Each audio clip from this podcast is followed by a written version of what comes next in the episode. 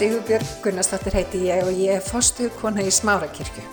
Við langar til þess að bjóða þið velkomin í hlaðvarpan okkar en hér ætlum við að tala uppbyggjandi og hvetjandi orð. Ég vona svo sannlega að þetta blessi þig og hveti þið áfram til að gera góða hluti í lífinu. Halleluja. Amen. Takk Jésús. Takk Jésús, ég er þinn. Nei, nei, ég er þín. Emmitt. Akkurat. Amen. Í Jésú nafni. Jæja, krakka mínir. Við kveiktum hér, ekki við, heldur Jóhanna, eða Sippa, og sennilega Sippa, sem kveikti hérna á tveimu kertum. Fyrsta kertið er kallað spátumskertið og annað kertið er kallað betlehemskertið. Og þessi kerti í aðvendukransinum minn okkur á hvað gerðist áður en Jésús fættist og eftir að Jésús fættist. Þau minn okkur á spádóma gamla testamentisins sem sögðu fyrir um komu frelsarans og sögðu, þeir sögðu fyrir um að Jésús myndi fæðast í Betlehem. Það er svo stórkostlegt að það hefur alltaf verið til fólk sem er næmt fyrir heilu og manda. Spámenn gamla testamentisins fengu köllun. Spámennir fengu þá köllun að bera fram orð frá Guði. Hvernig þeir uppgötfuðu að þeir væru spámenn var öruglega jafn mismunandi og þeir voru margir eða þau voru mörg. En orðið kom frá Guðið og þeir töluðu knúðir heilugum anda. Tvísvarsinnum að ég held síðast þegar ég talaði um þetta þá saði ég einu sinni svo rakst ég á annað vers og það er byrt með smá fyrirvara. Ég sagði eitthvað tíma að ég teldi að það væri bara einu sinni sem Marja mei væri nefnd í Gamla testamentinu. Ég er búin að uppgötva að hún er nefnd tvísvar. Annað skiptið er í Jesaja 7. kabla og versi 14 þar sem segir sjá yngismær verður þunguð og fæðir svon og lætur hann heita Immanuel. Þarna er sagt fyrir um fæðingu Jésu og síðan er það í Míka, uh, fyrsta kabla þar sem segir að Jésús muni fæðast í Betlehem og þar kemur en þú Betlehem í Efrata ein minsta ættborgin í Júta frá þér læt ég þann koma er drottnaskal í Ísrael. Það var sérstaklega Jésús æfa fornir ætterni hans frá ómunatíð því verður þjóðin yfirgefin þar til svo hefur fætt er fæða skal og það var Marja Ég er ekki vissum að Marja hafi gert sér grein fyrir því að Gamla testamenti var að tala um hana. En þessi spámenn tala um að Jésús er eftir að fæðast. Síðan líða mörg, mörg, mörg ár og þeir eru laungu hornir á sjónasviðinu þegar spátumatni rætast. Svo gerist það í daginn að Marja sér sín. Ég veit ekki hvort hún var inni hjá sér hafa margir hér inni séð sín. Það eru einhverjir sem hafa séð sín, en það eru líka margir sem hafa aldrei séð sín. Og ég gæti trúað að þegar Marja sá þessa sín, að þá hafa hún, þetta verið í fyrsta skipti sem hún sá sín. Og Marja sér engil sem flytur henni bóðskap um hvað eigi eftir að gerast, ekki bara í veröldunni heldur ekki síst í hennar lífi hún hafi ákveðna köllun, hún hafi ákveði hlutverk. Og þetta er svo uppörfandi og það er svo gott að minna sig á það. Í þeim heimi þar sem fólk einhvern veginn upplifir tilgangsleysi, fólk veit ekki að Guð hefur áætlun með líf okkar, það er svo mikilvægt að muna að við skiptum máli og Guð sér okkur. Og fyrst Guð gætt valið Marju, þá, þá getur hann valið þig, hann getur valið okkur öll og í Lúkasaguðspjalli, fyrsta kabla frá versi 26, þar segir Í sjötta mánuði sendi Guð Gabriel Engil til borgar í Galileu sem heitir Nazaret. Taki eftir því, hann vissi ekki bara hver Marja var eða hvað hún hétt. Hann vissi í hvað borg hún bjó, hann vissi í hvað landi hún bjó og hann vissi hvar hún var stött á þeim tíma sem engillin kemur til hennar. Við þurfum aldrei að efast um það að Guð viti ekki hvar við erum eða hver við erum. Hann veit ekki bara hvað við heitum eða hvar við um heima í hvaða götu eða hvaða borg eða hvaða landi, hann veit hvar við erum stödd, hverju sinni. Og Guð sendir Gabriel engil til þessarar megar og hann vissi meira. Hann vissi það stendur að hún var förstnuð manni sem hitt Jósef. Þannig að hann þekkti ekki bara hana, hann þekkti líka kærastan hennar. Og hann vissi hverja manna hann var. Af ætt Davíðs, en mærin hitt Marja og engillin kom inn til hennar sem segir okkur hún var ekki úti, hún var inni. Engillin kom inn til hennar og sagði heil verð þú sem nýtur náðar Guðs, drottin er með þér og drottin er með þér og drottin er með þér. En Marja var það hrætt við þessi orð. Konan sem leitið mig til trúar, hún sagði einu svona við mig, ég beði Guðum, ég, ég fái aldrei að sjá engil og ég segi af hverju ekki. Af því að allir sem sáu engil í biblíunni þeir eru svo hrættir og Marja var þein af þeim. Ég held að fólk hafi skinnjað þetta ofbóstlega vald, þennan ofbóstlega kraft þennan yfirnáttúrulega kraft. Marja var hrætt og hún hugleiti hvað þessi hverja ætti að merkja. Bara býtu nú við, hvað kemur eiginlega næst? Þannig að hún greinlega sagði ekki neitt, ekki alveg strax. En engillin sagði við hana, óttastu ekki Marja því að þú hefur fundið náð hjá Guði. Svo kemur skellurinn maður. Þú munt þunguð verða og svon alað, sko talandum Guð veit allt, hann veit sko allt. Og svon ala og þú skal láta hann heita Jésu hann mun verða mikill og kallaður svonur hins hæsta. Drottin Guð mun gefa honum hásæti Davís föður hans og hann mun ríkja yfir ætt Jakobs að eilifu og á ríki hans mun engin endir verða. Þá saði Marja við engilinn hvernig má þetta verða þar eða ég hef ekki karlmanns kent þar sem ég hef ekki sofið hjá hvernig get ég þá orðið ófrísk? Það má spurja Guðum hvað sem er. Og það má líka byggja hann um hvað sem er. Og eng, engillin fór ekki í flækju við þessa spurningu. Hann róðnaði ekki. Hann bara svaraði henni. Þegar ég var að alup drengina mína þá vandi ég mig á það að þegar þeir spurðu þá fengu þeir svar. Talandi um svona kinnfræðslu. Engilin sagði við hana, heilagur andi mun koma yfir þig og kraftur hins hæsta mun yfirskikja þig. Þess vegna verður barnið heilagt sonur Guðs. Og svo kæftar hann í hana, leindamáli, Elisabeth frændkonaðinn. Hún er einni orðin þunguð. Þú veist nú hvað hún er á gömul hún er laungu komin úr batningn, ég ætla bara að kvísla því að þér. Og ég byrði að fara ekki með þetta lengra. En þessi gamla kona er hún þunguða sinni Marja vissi ekki hvort þetta var stelp eða strákur. Það voru enga kökur svona til í þá daga. Hún er hún þunguða sinni í elli sinni. Merkilegt og hún verði ekki bara amma bassins í strax í upphafi. Nei, hann sagði það nú ekki og þetta er sjötti mánuður hennar. Hann vissi mér ekki hvað hann komið langt á leið sem var, hún var kölluð óbyrja. Það þýðir að geti ekki eignast börn. Hún hafði ekki eignast neitt bat sennilega búin að byggja Guðum það í marga áratugju og ekkert gerðist. Og svo segir hann en Guði er engin hlutur um megn. Og það, það getur við tekið til okkar. Guði er engin hlutur um megn.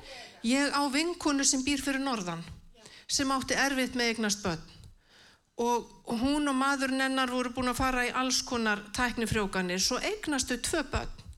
Og þar með voru þau bara búin að afgreða þetta. Keftu sér raðhús fyrir fjóra máli döytt heyrðu, vitið hvað? Þá verður hún bara ófríska þriðja barninu. Á nokkurar aðstóðar nema náttúrulega mannsinsins en, en og hún kom til mín og sagði veistu það ég hérna ég er búin að byggja svo lengi og svo gerist þetta, þetta er aldeilis ekki það sem ég hafi planað og ég, ég kann ekki við að vera eitthvað döpur yfir þessu, þetta er náttúrulega mjög gleðilega fréttir en þetta setur öll okkar plön á hliðina og það er stundu það sem bara gerist. Þegar Guð kemur með áætlun þá bara fara plönin á hliðina. En hún sagði, ég er ambátt drottins, verði mér eftir orðum þínum og engillin fór burt frá henni. Það er svo, þetta er svo uppörfandi saga. Marja fjekk þennan bóðskap frá englinum og vitið það, ég held að hún hef ekki sagt neinum frá. Það var enginn sem vissi þetta, ekki einu svona Jósef. Og það, þegar maður lesi hennar texta, þá lítur út fyrir að hún hafi ekki sagt neitt fyrir hún var orðin ófrisk og fyrir hún vissi að hún væri orðin ófrisk. En svona byrjar oft áætlun Guðs. Þegar Guð gefur þér köllun, þegar Guð gefur þér hlutverk, þá talar hann stundum bara til þín. Og það er engin annar sem veit hvað bærist í hjartaðínu. Þegar sjómastöðun Omega var stopnuð, þá talaði Guð til Eirík Sigurbjörnssonar og hann lagði honum á hjarta að stopna kristilega sjómastöð á Íslandi. Og Guð sagði jafnframt við hann, ekki segja þetta nokkrum manni, ekki segja þetta neinum. Og Eiríkur sagði, þegar hann var búin að stopna þessa sjómastöð, þá sagði hann, þegar ég var farin af stað og búin að verja hellingspenningum í þetta og ég var eiginlega bara komin ofur langt til þess að geta snúi við. Þá fór ég að sjálfsögða að segja fólki frá og þá skildi ég af hverju Guð hefði sagt ekki segja neinum frá vegna þess að það vantaði ekki úrtölurætinnar. Það vantaði ekki fólki sem saði ertu orðin bilaður. Þetta mun aldrei ganga upp, er ekki lægi með því maður. Og Eiríkur sagði, ef ég hefði sagt frá þessu strax, þá hefði ég bara aldrei farið með þetta lengra. Þá hefði ég leift þessum úrtöluröttum að stoppa mig. En Guð sagði við hann, haldu þessu bara fyrir þig. Farðu að vinna að þessu en ekki segja þetta nokkru manni. Og það er svo sorglegt að við sem erum kristinn, við getum dreyið úr. Guð gefur hugssjón, Guð talar og við höfum ekki trú fyrir hugssjón annara. En sjómastöðun Omega er komin held ég búin að vera í loftinu hátt á þriðja áratug og hún hefur haft ómæld áhrif á landin okkar. Við vitum ekki hversu langur tími leið frá því að engillin byrtist Marju og þangatúlum varð ófrísk. Þegar þú færð sín, þegar þú færð köllun, þegar Guð talar til þín og gefur þér einhverja hugssjón, þá getur liðið langur tími þanga til hún rætist. Og það virðist vera sem Marja geymið þetta með sjálfrið sér þanga til hún var orðin ófrísk. Sem betur fer.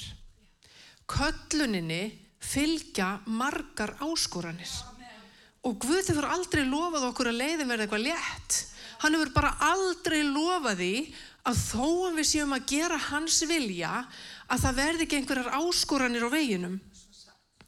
Og þegar Marja segir Jósef frá þessu, þá segir Jósef bara Marja, ekki bjóða mér upp á þetta. Ég veit alveg hvernig börnum verða til. Bara ekki segja mér að heilagur andi hafi komið yfir þig. Ég veit ekki hvað Jósef hugsaði, hann er ábygglega haldið að hún væri bara eitthvað gal. Þetta var svo undarlegt að þessi kona skildi að haldið þessu fram. Þannig að það þurfti eitthvað meirinn lítið til að Jósef treði. Og það var ekki fyrir en hann fekk að upplifa sjálfur vitjun Guðs að hann trúði. Að þegar Guð sendir honum engil í draumi og tala til hans, þá var reynslan og upplifunin svo sterk að eftir það efaðist Jósef ekki. Eftir það var hann tilbúin í alla raunir, hvað sem myndi mæta þeim. Og Marja var orðin ófrísk. Og Marja gekk með köllunina. Og barnið stækkaði í móðurkviði. Og það er svolítið eins og með okkur þegar við fáum draum, þegar við fáum hugssjón. Við getum þurft að ganga með hana í maganum í langan tíma, miklu lengri tíma en nýju mánuðir. og við getum verið svo þunguð af þessari hugssjón og svo fæðist hún en hún fæðist kannski á einhverjum allt öðrum stað en við reiknuðum með Marja held kannski að hún myndi bara fæða heima bara umvafin fólki sem þótti væntum hana. Fólki sem vissi hvað átt að gera þegar maður fæti bann en þegar líða fór á fæðingunni þá bara kemur allt í nú skipun frá keisaranum. Frá Ágústus í keisara hann vildi gera manntal og þetta, er, þetta, var, þetta var tímasetning Guðs. Spámen gamla testamenti sem sögðu það myndi fæðast barn, það myndi fæðast sonur og hann myndi fæðast í Betlehem þau voru nú bara alls ekki þar. Þannig að Guð getur ekki bara ráðið við okkur sem trúum á hann og fylgjum honum. Hann getur bara líka styrt þeim sem trúunum alls ekki neitt. Eins og Ágústus keisari sem var öruglega ekki í klappliðinu. Hann var ekki fan nummer eitt. En Guð lagðunum, sennilega hefur það verið þannig að það var Guð sem knúðan til þess að láta fara að það færi fram manntal og það skildi eiga sér stað í borg Davís, í Betlehem. Og að því að Jósef var af ætt Davís þá þurft hann að fara af stað. Og sennilega, ég er ekki vissum að Marja vendilega þurft að fara með honum. En þau kursu að fara saman. Og svo fæðist barnið ekki þar sem þeim hendar ekki á þeim stað sem þeim hendar ekki á þeim tíma sem þeim hendar það er bara þannig með hugssjón hún fæðist ekkit endilega á stað eða stund sem okkur hendar barnið fæðist þegar það er full þroskað þegar það er full burða bara rétt eins og hugssjónin þegar hún er full burða þá fæðist hún og stundum er fólki bóðið að taka þátt í annara manna hugssjón að hlaupa með fólki sem hefur fengið hugssjón sem er fætt á Guði. Og þannig var það með girstihúsegandan í Betlehem. Hann fekk tækifæri til þess að taka þátt í sín Marju hann fekk tækifæri til að taka þátt í áætlun Guðs. En hann var of upptekinn af sínu og hann afþakkaði. Hann opnaði ekki dyrnar fyrir henni. Það var ekki plás og það var ekki tími. Við getum fyllt lífið svo mikið að það verði ekki plás fyrir áætlun Guðs. En þau fundu samt stað þar sem Jésús fættist. Þau fundu stað í fjárhúsi. Og rittningin þegar hún lýsir Jésú sem hinnum líðandi þjóni þá kalla rittningin hann Lamp Guðs sem var slátrað fyrir syndir okkar. Hann var leittur eins og lamp er leitt til slátrunar Þannig var hann leittur á krossin. Og hvar var annar staðar við hæfi að lamp Guðs kæmi heiminn inn í fjárhúsi. Og það hljómar þegar maður lesi þess að sögu eins og Mari og Jósef hafi bara verið þarna tvö. Ég veit ekkert um það. Það hljómar eins og það hefði engin verið á svæðinu til að miðla af reynslu sinni eða sína umhyggju. Ég veit ekki hvort það var ljósmóður á sveðinu. Þegar hyrðarnir komu um nóttina þá, þá funduðu Maríu, Jósef og Jésu. Hafi einhver verið til að hjálpa þá var hann allavega bak og burt. En ég sé fyrir mér að þau bara verið tvö. Og ég sé fyrir mér að Jósef hafi verið alveg rosalega stressaður. Bara hver annar en hann átti að taka á móti barninu þegar maður sér svona gerast í bíómyndum þá tvent sem kallmenn gera þegar konan þeir eru að fara eiga bann þeir sjóða vatn og þeir sækja handklæði.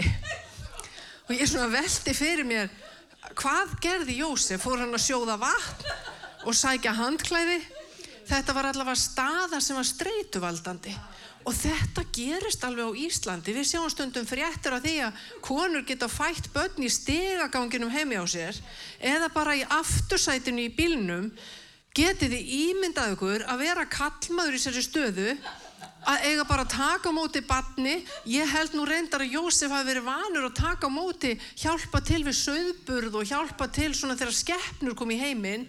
Eitthvað sem bara margir hafa aldrei gert sem bú á höfuborgarsvæðinu.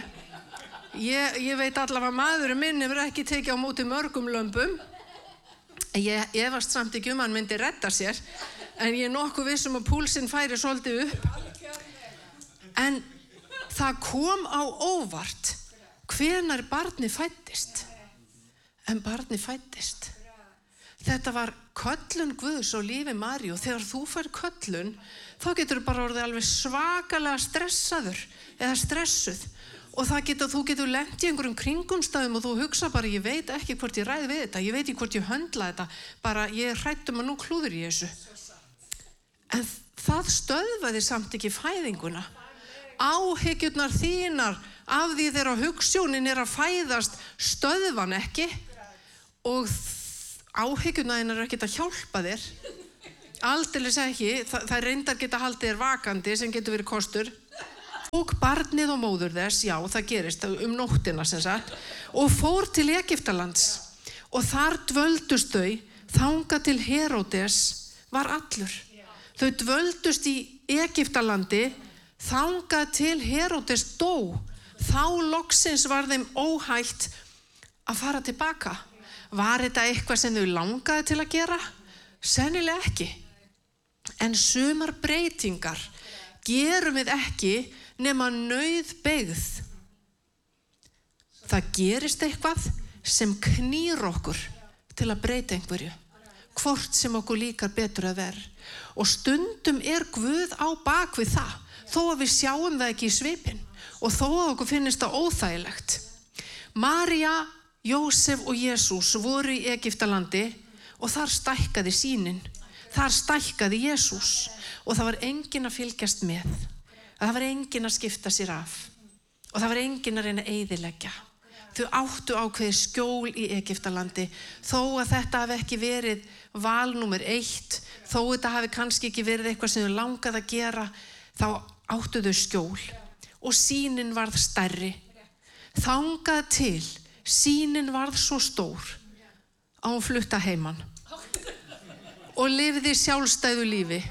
Það var það sem Jésús gerði, ólíkt mörgum í dag. Hann flutti að heimann. Og Marja, hún varð að sleppa takinu á honum.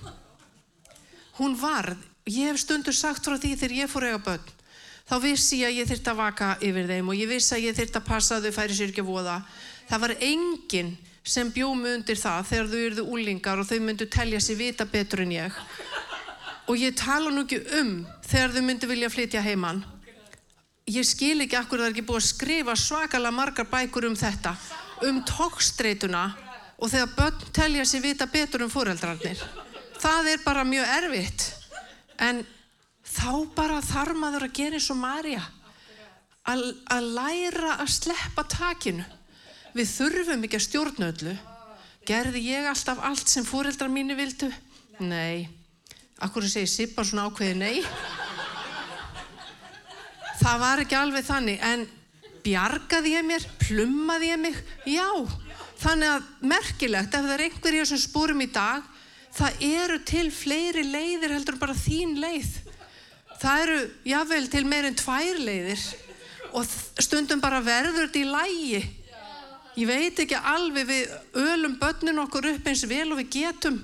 Og svo fyrir við eitthvað efast um að það sem við höfum sáð í þau ber eitthvað annan ávöxt en við reiknaðum með.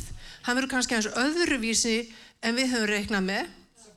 En verð, þetta verður í lægi og Marja varð að sleppa takinu á Jésu og hann hóf sína þjónustu. Og sínin bar ávöxt. Og stundum er eina leiðin til að sínin stækki að sleppa takinu og hleypa Guði að. En menn hafa og munu reyna að hindra Guð.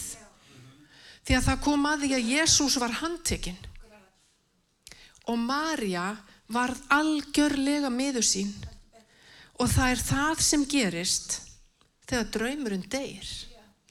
Þegar við höfum einhverja hugssjón, sínin fæðist og svo bara einhvern veginn virðist hún renna sitt skeið á enda og við verðum vonbrið, við verðum fyrir vonbriðum og við hugsaum bara að býtu hvað er að gerast?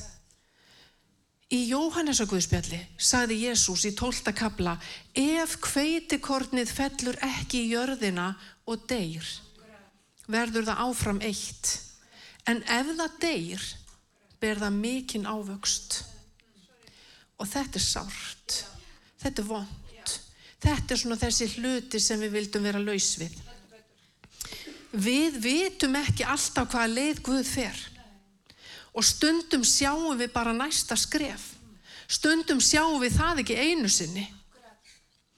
Og Mike Fitzgerald sá sem stopnaði útvarstöðuna Lindina á, á samt sílu konu sinni þau stopnuðu, stopnuðu þessa útvarstöð sem hefur eins og Omega haft gríðarleg áhrif á íslenska þjóð. Svo kom að því að þeirra tíma var að ljúka og þau þurftu að sleppa taki á síninni. Þau höfðu oft farið í gegnum alls konar áskoranir, alls konar tókstreitu. Þeim hafði ekkit alltaf liði vel og stundum langaði þau bara hætta. Mér finnst alltaf skemmtileg sagan að Mike, Mike, því sem þekktu þann eða þekkið þann, hann er svona maður sem er maður trúarinnar. Hann var einu svona fórstuðmaður og hann var einu svona svo brjálaður yfir því hvað mættu fáir á biblíulestur hjá hann og hann bara fór. Og hann fór heim og hann dró fyrir gluggana og læsti og sagðist bara vera hættur. Og svo kemur einhver og bankar það er einhver sem eldir hann heim og hann opnar ekki og maður hugsaður vá fólk sem maður lítur upp til sem hetjur trúarinnar þetta er bara venjulegt fólk Þetta er bara fólk sem getur bara fengið nóg af fólkinu sem það á að þjóna. Hann var búin að verja svakalegum tíma til að undibú okkur biblíulestur og svo kom bara einhverju örfáver í kirkjuna. Hún var bara alveg gjörsanlega misbúði. Nefn að svo kemur síla. Og síla, síla segi við Mike, Mike, ef þú vilt hætta, þá gerur það bara á eðlilegan hátt. Þú ferð ekki í fílu þú skilur ekki þá örfá eftir sem voru þó komnir til að hlusta á þig með einhverja vonda samvisku yfir því hvað þér leið ítla maður bara gerir ekki svona og þú dregur ekki fyrir gluggana og neytar að opna þegar það er einhver sem kemur og ringir dyrabjöllunni. Hann var brjálaður. Ég hef aldrei séð mæk í, í þessum ham.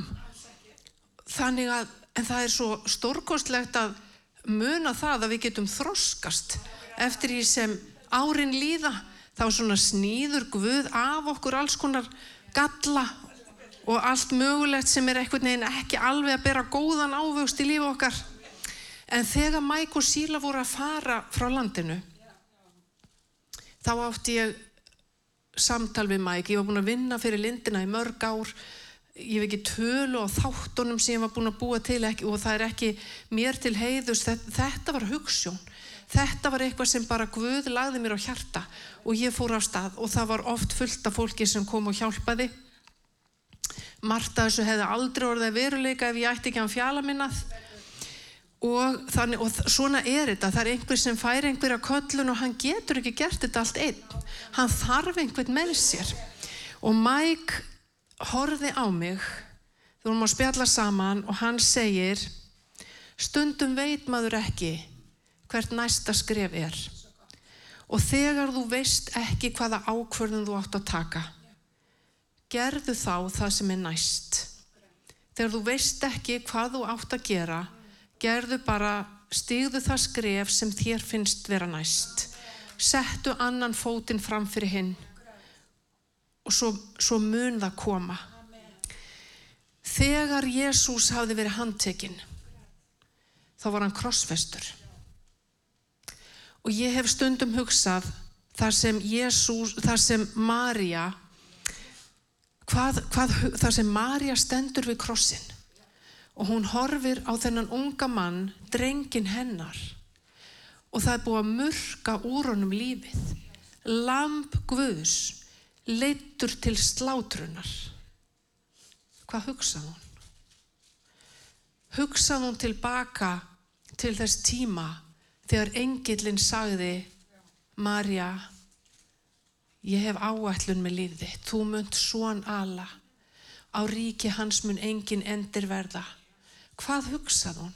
Eða hugsað hún til þess þegar Jésús var nýfættur og hún og Jósef fóru með hann í musterið og þar var gamal maður Símjón sem tók hann í fangið og hann horði á Marju og sagði þessi drengur er settur til fals og til viðreistnar mörgum í Ísrael og til tákns sem móti verður mælt og svo bætir hann við og sjálf mynd þú sverði nýst í hjartaðinu og ég hef stundum hugsað er hægt að lýsa tilfinningum móður betur sem horfir á drengin sinn í höndum óvina.